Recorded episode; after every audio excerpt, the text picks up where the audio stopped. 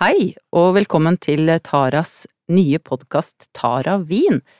Tara er jo som kjent eh, Norges største kvinnemagasin for kvinner 40 pluss, og med meg her i dag så har jeg altså vår vinspaltist, fast gjennom nesten 16 år, Gunhild Bjørnsti. Velkommen, Gunhild. Tusen takk, så hyggelig å være her, Torunn. Veldig hyggelig at vi to sitter sammen. Og i dag, hva er det du skal, hva er det du har med til oss i dag? Vi har to latinere, en italiensk vin fra Valpolicella Classico, en fransk fra Beaujolais. De er begge to fruktige, lettdrikkelige stiler som passer eh, på mørke høstkvelder. Så har jeg en tredje spennende vin fra Georgia. Oi, oi, oi. Jeg gleder meg. Velkommen alle sammen. Nå skal vi snart få høre mer.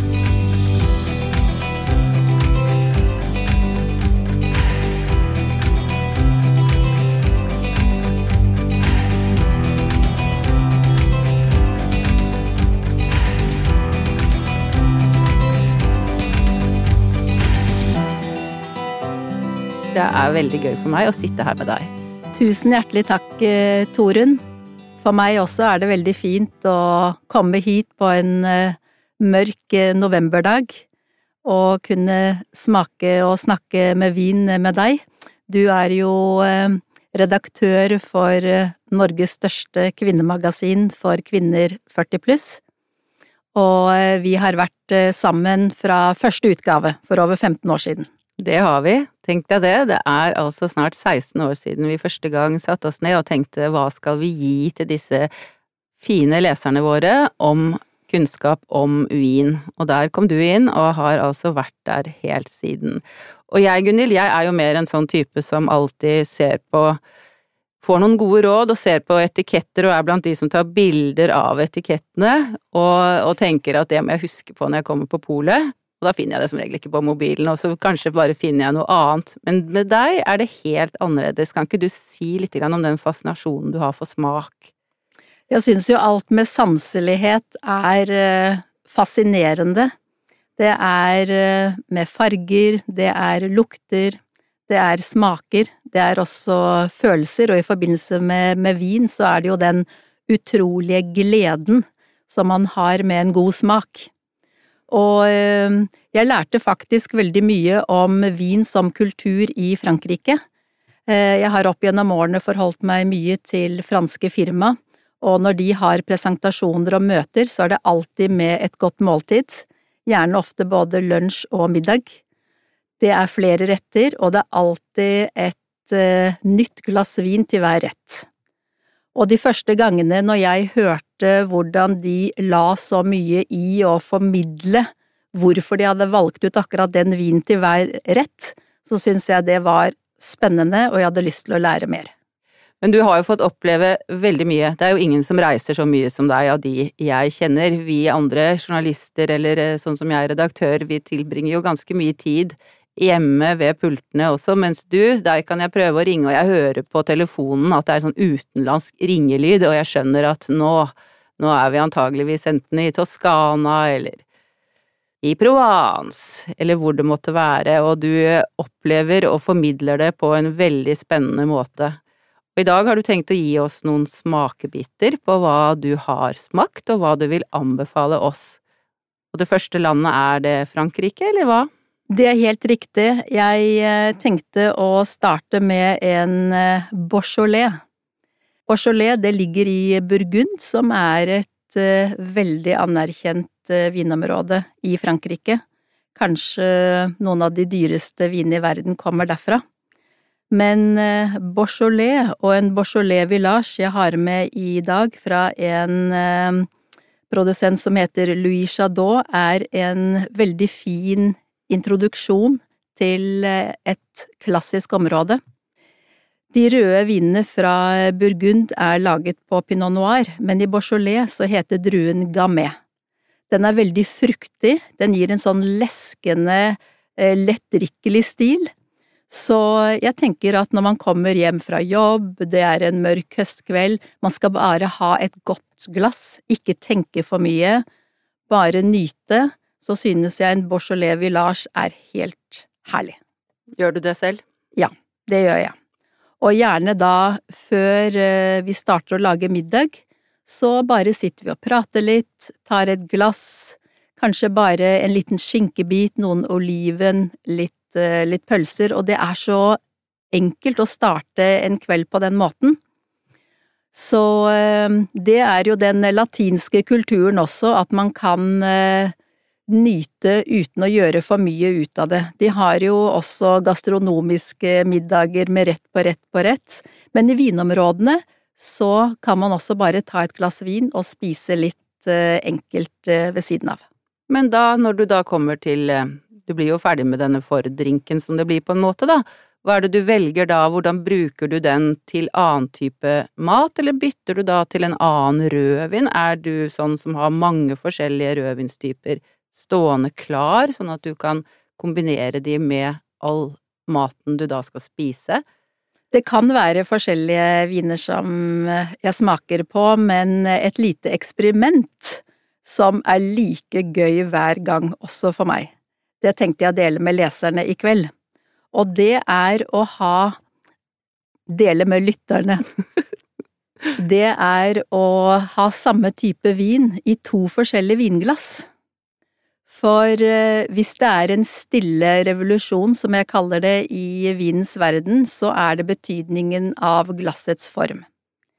Vi vet veldig mye nå om at man skal ha riktig temperatur på vinen, litt om hva slags type vin man skal ha til forskjellig type mat, men hvilket glass skal vi bruke? Der skjer det veldig mye spennende, og de nye glassene som eh, selges nå, de er veldig lette og tynne så det blir en sånn sømløs opplevelse. Når du drikker noe og, og svelger det, så gjør ikke glasset veldig mye ut av seg.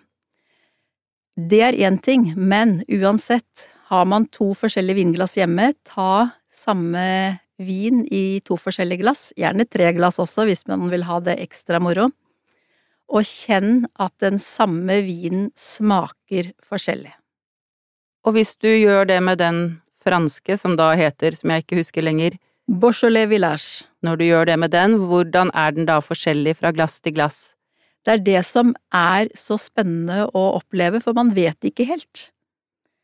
Man tror eh, alt det man visste om vin, man må være litt ydmyk og bare lukte på nytt og smake på nytt. Så det er eh, formen på glasset, det som heter klokken, påvirker, og åpningen øverst. Det er vel kanskje litt sånn avansert smaking, dette her da, Gunhild. Så hvis vi går tilbake igjen til starten, som var da Jeg klarer nesten ikke, jeg glemmer jo hva den heter hver gang, altså Beaujolais Village. Ja. Eh, når den da skal inntas, så syns du det er fint som en for en starter, og du kan gjerne ha noe småretter til, som skinke, oliven og diverse, og du kan unne deg et stort og deilig glass før du går i gang med å spise egentlig det måltidet du har tenkt å spise. Ja, det stemmer. Hva er prisen på denne? Den koster 174 eh, kroner. Og man får ikke vondt i hodet? Man får ikke vondt i hodet fordi det er helt milde garvestoffer, så det er en myk, kvinnelig stil. Så bra. Den gleder jeg meg til å smake på, Gunhild, og hva er det du egentlig vil formidle med neste vin? En um, italiener er det jeg skal ha som eh, neste vin. Jeg var så heldig å snakke med en av eierne på telefonen der i dag. Det er en dame som heter Marilise Allegrini. De holder til i et område som heter Valpelucella, som ligger utenfor Verona. Og Verona ligger jo i Nord-Italia. Det er Romeo og Julies by. Det er romantisk så jeg tenkte en vin derfra, det vil også passe damene i høstmørket. Og vinen, den heter Valpolicella Classico. Den har en sånn deilig kirsebær- og morellsmak som gjør at den er litt sånn sødmefull, men samtidig veldig, veldig frisk og fruktig. Også en leskende, deilig vinstil man kan ha når man kommer hjem fra jobb, eller før middag, eller til middag til pasta og småretter og pizza og hverdagsmat, rett og slett. Mm, men ingen tyngre retter der heller, dette er også til lett mat? Man kan gjerne ha det til kylling og grønnsaker og, og poteter til, det kan man. Men disse to første vinene som eh, jeg nevner nå, Valpolicella Classico og Beaujolais Village, det er ikke eikelagrete viner. For eh, når man snakker om litt tyngre viner, så er det ofte at de er lagret på eikefat, som eh, kan gi et visst preg av eh, vanilje og litt mer fylde. Og de er ikke så lett å bare sitte og nyte et glass alene, de bør komme til sin rett med mat. Men du, når du sier dette med vanilje, og du sier de her som er et hva som skal gi smak til viner, hvordan lærer man seg å skille disse smakene, for det synes jeg virker veldig sånn Jeg har jo vært på noen vitenkurs med deg, og det er jo kjempespennende hver gang, men jeg blir jo liksom alltid litt fascinert av at man blir litt grepet av hvordan skal jeg egentlig skille ut disse luktene, hvordan kjenner jeg at det er liksom til og med bjørnebær eller vanilje, som du nettopp nevnte. Hvordan har du lært deg det? Det er øh, interesse. Jeg har jo også vært veldig interessert i øh, parfyme. Mm. Så mm. når man snakker med parfymører, så er de veldig opptatt av ingredienser. Og gjerne kvalitetsingredienser av roser og jasminer og fioler og vakre blomster. Det samme er det en vinmaker. Ehm, en god vinmaker er litt som en kunstner, egentlig. Druene er hans materiale, akkurat som en kokk har forskjellige råvarer før han lager en rett så vil en eh, dyktig vinmaker som har dette kunstneriske engasjementet, skape noe helt spesielt ut av eh, druene sine. Og det at eh, en gjæret druesaft kan få så mange ulike noter av bær og frukter og planter, det er jo litt mystikk oppi det hele. Det er mye man kan analysere seg til, det er mye teori, men det er litt med vinforståelse også som er litt magisk, og det liker jeg. Mm. Det tror jeg på. Så hva sa de da når du ringte til Valpolicella i dag? Hun ble så glad. Hun sa How are you in Norway? I'm just sitting here in Italy. Og jeg kjørte bil, så jeg tenkte jeg bare skulle snakke med Marilisa eh, via, via bilen, men hun hadde på kamera. Så hun viste at hun sto foran et sånt praktfullt bygg, og de har masse vakre bygninger i familien på gården der. De har også et nydelig overnattingssted, så jeg gleder meg så utrolig til å ta en tur ned dit, kanskje til våren. Kanskje til sommeren. Ja, det får vi bare se. Det må vi bare håpe på. Hva tenker hun selv da om fremtiden, eller sin nærmeste fremtid akkurat nå i disse tider? Hvordan er det å drive en vingård nå? Det å dyrke druene, det foregår jo som vanlig. Mm. Eh, men det å reise rundt og holde smakninger blir vanskelig, så det foregår jo en del smakinger på, på Zoom og på Teams. Men det blir jo ikke helt det samme. Nei, det skulle jeg tro. Det blir ikke det samme. Tenk deg alt det du går glipp av, men, men. Det er kanskje det nest beste, da. Alle gleder seg utrolig til man kan reise og møtes igjen, så det kommer til å bli mange herlige fester og vinsmakinger fremover. Ja, det tror jeg på. Så vi får bare holde på som best hjemme og smake på et glass av det ene og det andre. Men begge disse to her er jo to som er eh, Det er noe uh, som du absolutt uh, du anbefaler på det beste, og så har du en tredje, og så har du ikke det? Vet du hva, vi hadde jo eh, Taraviken-torun på Vestlia i høst, mm. med mange engasjerte damer som kom fra hele landet. Mm. Vi hadde vinsmaking eh, der, også med disse to første vinene som jeg anbefalte. Veldig populære, må jeg si. Men den tredje var ekstra populær. Det er en vin fra Georgia, som mm. er verdens eldste vinland. Der har de laget vin i 8000 år. Så hvis man eh, er litt nysgjerrig på vinstilen som eh, Jesus drakk, så er det den, de vinene som kommer fra Georgia. Dette er eh, en rødvin som er laget på en drue som heter Zapperavi, som eh, gir også en utrolig deilig sånn bærfruktighet, litt bringebær, også litt mot kirsebær vi har eh, snakket om før på de to andre. Men eh, den er lagret på noe som heter kvevri, leirkrukker. Og det er spesielt for Georgia? Det er det. Det er den ekte naturvinstilen, for hele drueklasser plukkes for hånd og med stilker og selvfølgelig skall og stener, så gjærer de i disse leirfatene. Og dette er noe som nå kommer mer og mer, hvorfor tror du egentlig det?